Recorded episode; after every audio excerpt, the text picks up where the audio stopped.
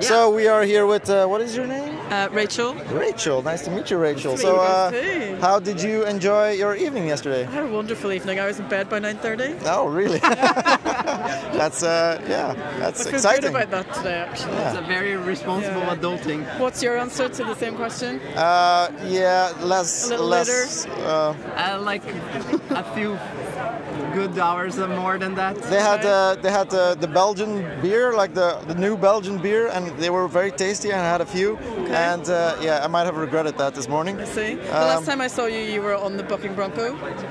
Yeah, The that last time was. I saw you, you were that- contemplating about getting on the Bronco. I was still good then.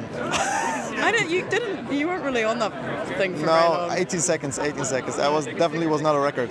Okay. So yeah, you This will. was supposed to be about you, Rachel, not about Yeah. us getting hangover. So do you already have like a podcast presence on Spotify?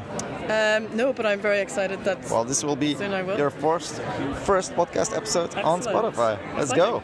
go.